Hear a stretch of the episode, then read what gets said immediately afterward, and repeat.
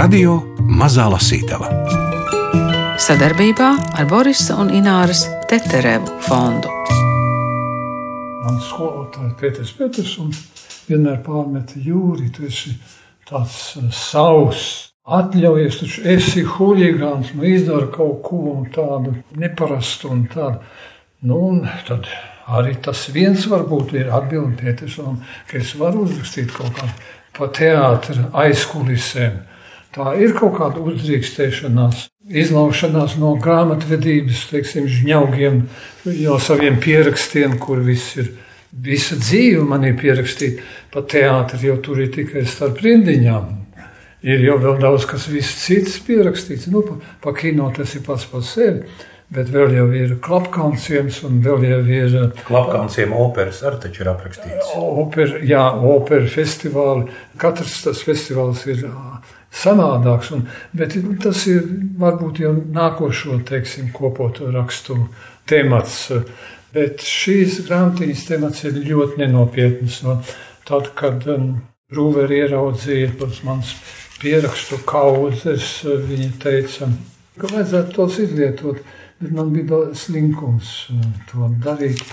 Juris Stranga stāsta, Ilona Brūvere rada dokumentālās prozas darbu Mana grāmatvedība, aktiera, kaleidoskopiskā dzīve un pienākumi. Aminorī izdod. Bet tad satiekas divi aktieri - Juris Strēnka un Gunārs Āboliņš. Viņi lasa, sarunājas, sapludina sapņus ar īstenību, nojauc robežas starp jokiem un nopietnību. Dailas teātra grandi un grandāmas izdzīvo arī savu aizkulišu dzīvi, bet Juris Strēngas sevi nosauc par vērotāju. Par savu virsotni teātrī Brandu viņš gan ir lakonisks bez gala. Tikmēr šai sarunai ir vēl kāds vērotājs - Ingvilda Strautmane un man gribas zināt, vai šai grāmatai meklētas tikai anekdotiskas epizodes. Pēc iespējas, jo man liekas, ka citādi nav nekādas jēgas šajos drūmajos laikos ķerties pie, pie vēl drūmākām lietām, kas ir teātris vēsture. Un vispār, kas ir teātris tā, kā tāds. Jo tur liels jēgas nav. Tās ir katastrofas nepārtraukti. Tu taču zini, jā, pirms jā. katras pirmizrādes. Vai pat labākā izrāda vienalga, vienmēr ir katastrofa.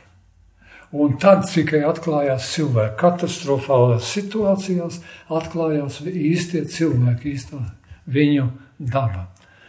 Vai arī negadījumi skatos, pārteikšanās, nepareizais cilvēks uznāk ne, nepareizā vietā, neuznāk vispār aktieris. Nu, biežāk jau neuznāk vispār. Neunāk vispār. nu, un tad sākās, tad iemirzās aktieru acis. Viss pēkšņi atmostas. Atmostas un sākās īstais teātris. Jā, jo pirms tam viens otru dzird un redz. Jā, jā, jo pirms tam jau iet autopilots, ieslēgts teksts, iet uz priekšu. Ņemot jūru pēc tā ieteikuma uzšķīru Mans teātris cietuma kameras biedrs Ārs Rozentāls nāk man virsū ar nemitīgiem uzmundrinājumiem rakstīšanā. Padomju laiks devis neizsmeļamu, absurdā teātris materiālu. Tas nepārtraukti turpinās, tikai tajā vairs nav jautrības. Mani stāsti par teātri un dzīvi šodien vairāk ir skumji. Tur banku laupītāji sēž šlipsēs Tas mani neiedomājami tracina, un es saprotu, ka tas ir pārbaudījums, lai nekāptu uz vantīm un nelēktu daugumā. Kas manī palicis no branda? Tas ir laiks, kad sajūsminos par notikumiem Čehoslovākijā, kur sākusies pirmā sociālā bloka atbrīvošanās kustība Eiropā. Es braucu uz Prāgu, lieku savas piezīmes teātrī pie ziņojuma dēļ, un partijas sekretāri man regulāri norāda, partijas sekretāri tā laikā bija Zigrīda stungu jā, tajām tīdīm. Jā, to gan noņemiet strangā. Tas ir disidentisms, to gan noņemiet. jā. Mums ar augškāpu šis laiks saistīts ar ļoti saskanīgu sadarbības periodu. Kārlis var atļauties būt opozīcijā, un tas ir viņa ražīgākais darba laiks. Viņš iestudē pilnīgi ģeniālu studentu izrādi Sapnis vasaras naktī, kuru kļūst par neaizmirstamu mākslas pārdzīvojumu skatītājiem un par kuru runā vairākās paudzēs. Es spēlēju galvenās lomas visos lielajos kārļu iestudējumos. Tās ir izrādes, kas prasa neiedomājamu koncentrēšanos un milzīgu atdevi. Jūtu, kas sāku izdegt. Nevilšus pienākusi mana 60. dzimšanas diena. esmu izlēmis iestudēt dzēju. Tā ir Emīlija Dikinsona. Ā, ne, tas nav interesanti. Tas nav interesanti. Tas ir nopietni. Es tev varu nolasīt, ja tev vajag, es tev vajag kaut ko par teātri interesantāku. Jā, Gribi? jā tu, gribu gan. Grāmatas apakšvirsraksts ir rokas grāmata jauniem un cerīgiem māksliniekiem, stāsta Dailas teātra aktieris Juris Strenga. Kāds Auškaps atveda pie mūsu aktieru ansambļa nelielu augumu jaunu cilvēku. Viņš tūlīt beigšot Pēterburgas teātra institūtu. Grib pie mums iestudēt Direnmata avāriju. Izklausās šausmīgi. Lasām vēl lielākas šausmas. Jau labu laiku briest avārija, lai gan precīzāk katastrofa. Kaut gan jāatzīst, ka viss šī teātra būšana tāpat jau ir viena milzīga katastrofa. Katrs iestudējums teātrī iziet savu šai fazē. Vakar izlūdzos kolēģis atsēsties pie galda un beidzot izdarīt analīzes mēģinājumu, lai saprastu, ko spēlējam un par ko. Režisors noslēpumaini sēž malā un neko nesaka. Varbūt taupās finālam.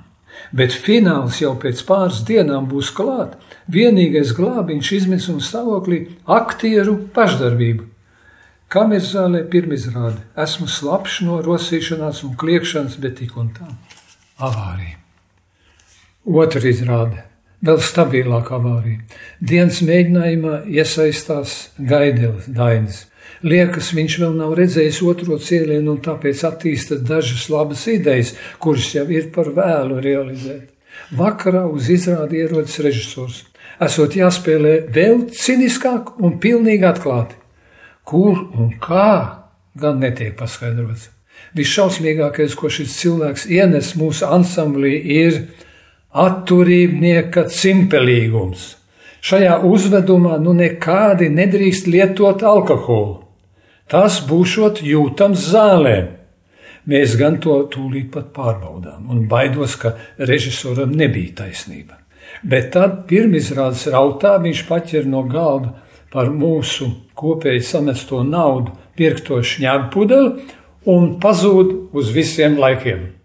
Tātad mēs ar Runci, atgriežoties no komandējuma, bijām labā un draudzīgā noskaņojumā. Atpakaļ ceļā vilciena buferu zonā, kur kratījāmies tamburā un kur neko nevarēja sadzirdēt, jo visu pārmāca riteņu klaboņi, viņš man kliedza: Jūrī! Ein kleiner Schnaps, kann nie schaden! Viens mazs šnaps nekad nevar skādēt. Pēc pāris mēnešiem tam sekoja Jūrī, būsim draugi! Tas bija īsts sasniegums. Nereti jau Petersonam bija mode oficiālos gadījumos mani svešiem cilvēkiem stādīt priekšā kā savu skolnieku. Petersons savus darbus nekad tā īsti nepabeidza. Viņam bija pilnas atvilknes ar uzmetumiem un nepabeigtiem rokrakstiem, arī man mājās tādi ir. Un tas ir jāzina, ka mēs, tie, kuri esam slinki, satiekoties daudz stāstām viens otram par šiem projektiem, bet nekad tos nerealizēsim. Matīs Kausa bojārs, Čaka nepabeigtā poēma. Režisors Juris Līnieks mani uzaicina spēlēt jaunajā Rīgas teātrī, pana lomu. Man tas liekas diezgan interesanti. Dzērājs, kas vairs nevar piedzerties. Galveno lomu izpildītāji gan nav uz vietas. Vilsons liepājā, bet pūcītis jau kādu laiku nav redzēts. Tā kā pana lomu līdz tam spēlējis Valdemārs Zandbergs, viņš arī ir ieradies. Pants pēc lomas vienmēr atrodas pālī, un Zandbergs atbraucis jau spēcīgi, spēcīgi iestiprinājies. Ko tu te dari, Strēnga? Viņš tās spēlēsi panu. Kāpēc tu vispār esi šeit? Vai tev Dailas teātrī slikti maksā? Vai tev tur nav darba? Pēdējā lomā pūcītis jau sen tevi ir apspēlējis. Sokrātā tu pat tekstu nezināji, tad tu redzēji, kā es spēlēju līru?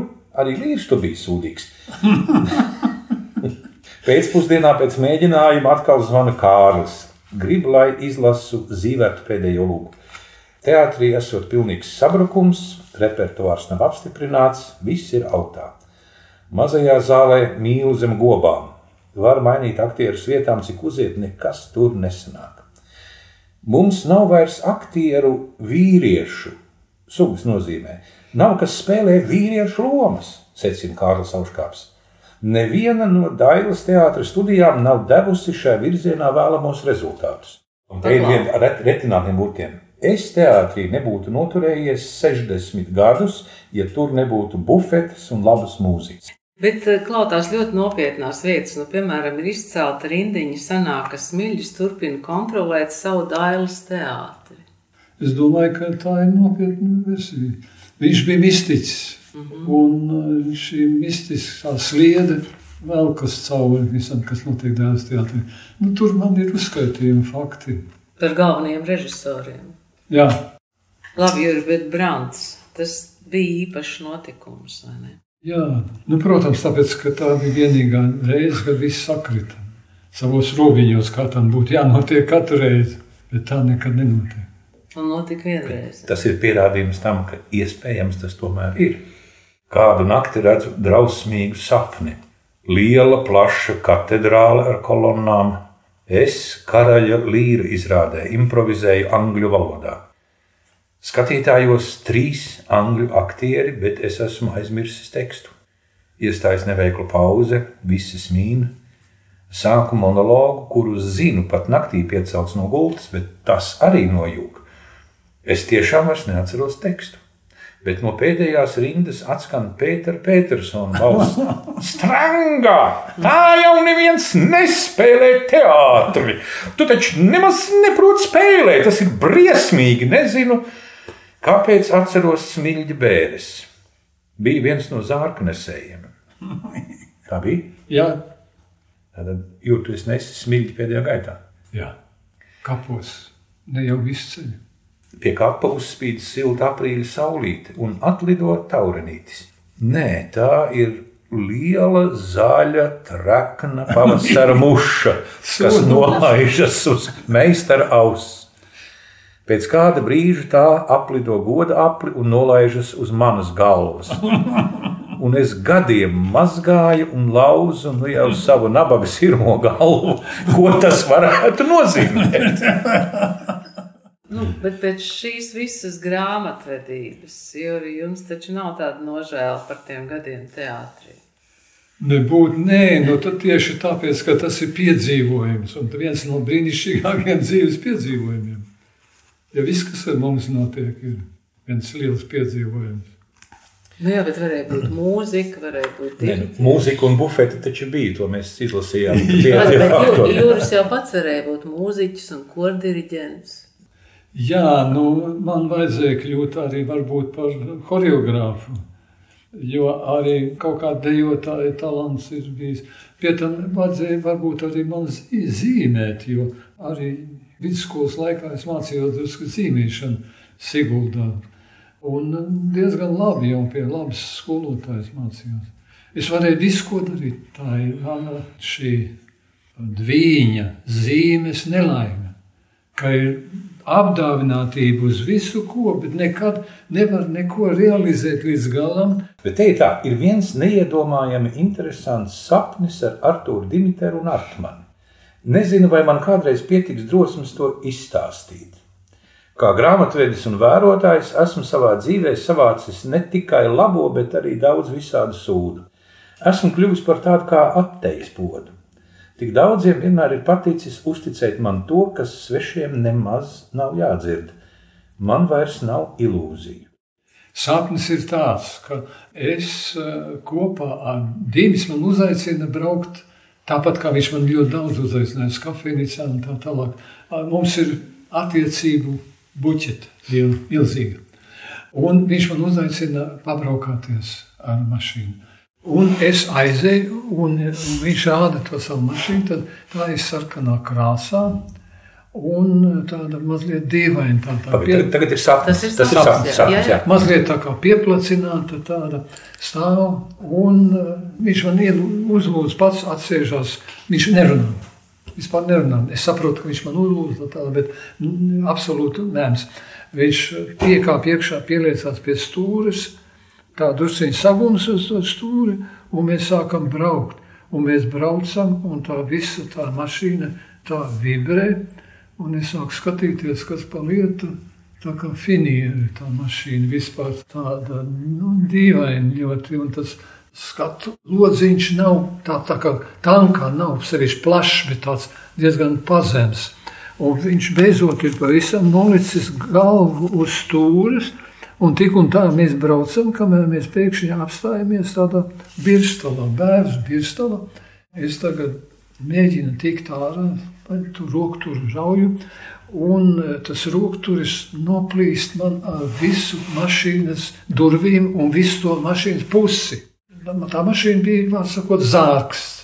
Un es izkāpu ārā, un ārā ir brīnišķīgs zaļums, tāds ultras zaļa krāsa, tie bērzi, ultras zaļi un e, ļoti jauks, skaists laiks. Un es aizēju pa to pļauju, un Dimis, guļot uz stūres, paliek tajā mašīnā. Ah, par to sapni, ko es tur pieminu, tas ir Stokholmā notiek. Dims bieži brauc uz Stokholmu. Viņš bija brālis. Brālis, jā, protams. Es skatos uz Stokholmu, uz ielas, brauc kariete. Un tāda liela, milzīgiem riteņiem iekšā ir ārstmanem. Melnām spalvām, tādām platām, lielām, plīvo, tādi melni, tādi, tādi visādi, uz visām pusēm.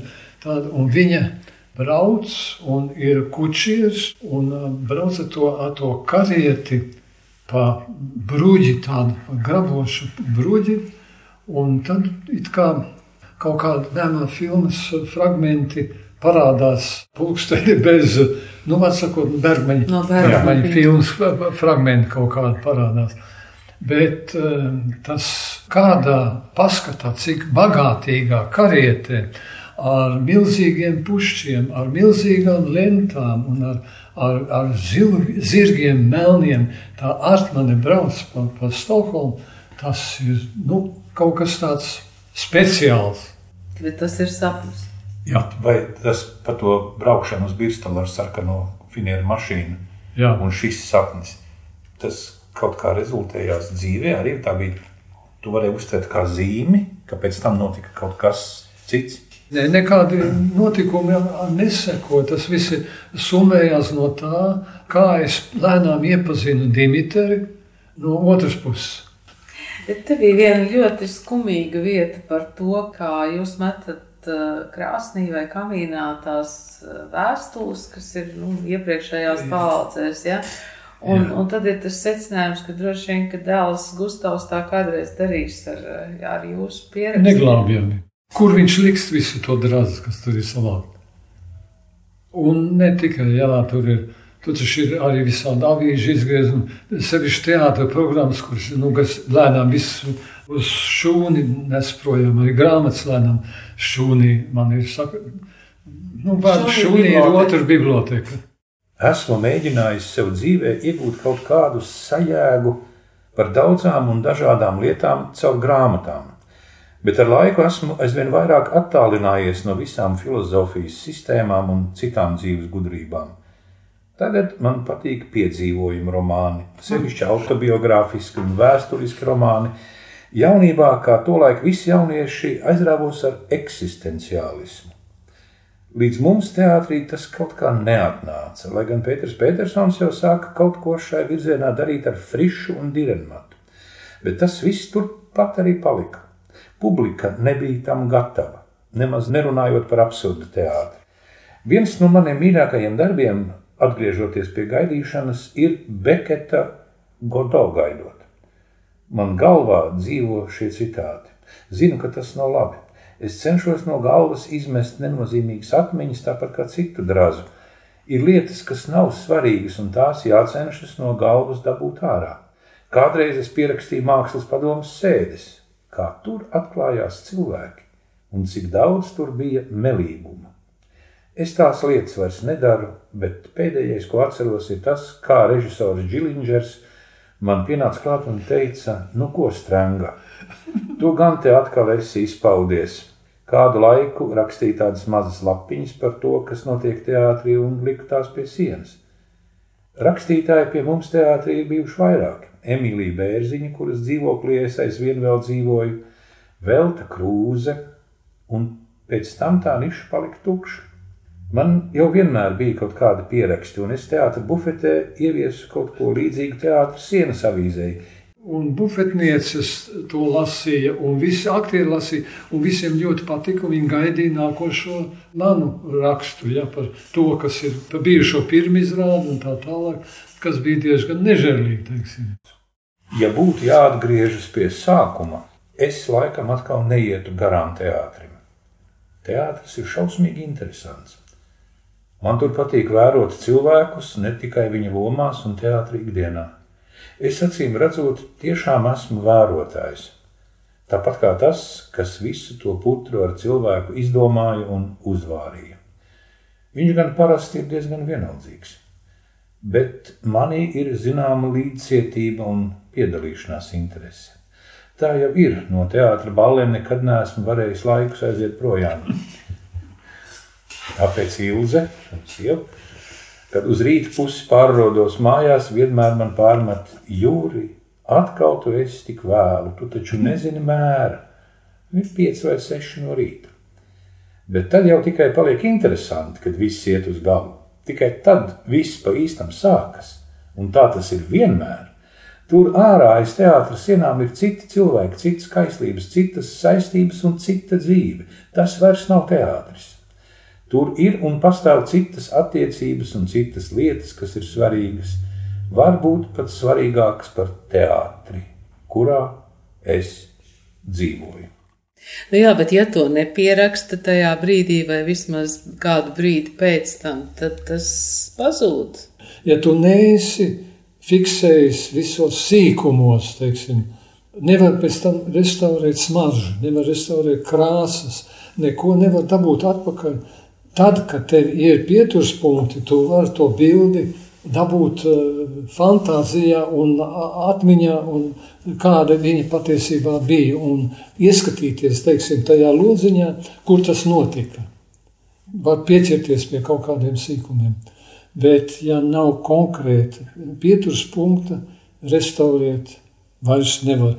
Es atceros kopējo notikumu, bet eh, nav vairs garšas, nav vairs smaržas.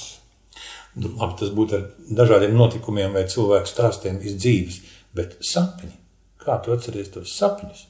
Ar sapņiem ir pilnīgi tas pats. Ja tu no rīta, pat ne no rīta, ja tu tagad redzi ļoti labi sapni, bet parasti man ir sižetiski sapņi un ir seriāli sapņi. Tādi, kas turpinās, var sakot, es uh, pamostos, un ātri, ātri, aizmiegu, lai nākošo sēriju varētu noskatīties. Nenokavētu. Un, lai lai tie, tie paši personāli turpinātu, jo viņi man bija interesanti vienu brīdi. Un no rīta obligāti svaigi, ja neizstāsta otram sapni, vai arī nepieraksta, viņš ir pagalām, viņš ir prom.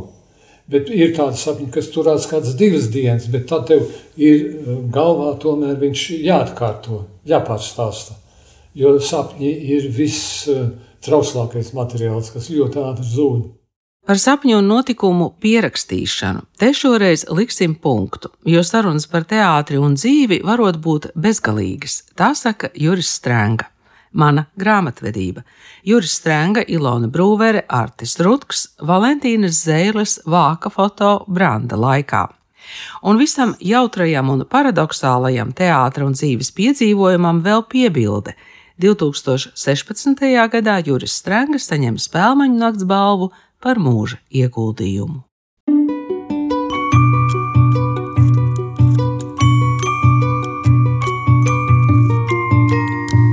Radio Mazā Lasītava sadarbībā ar Borisa un Ināras Teterevu fondu.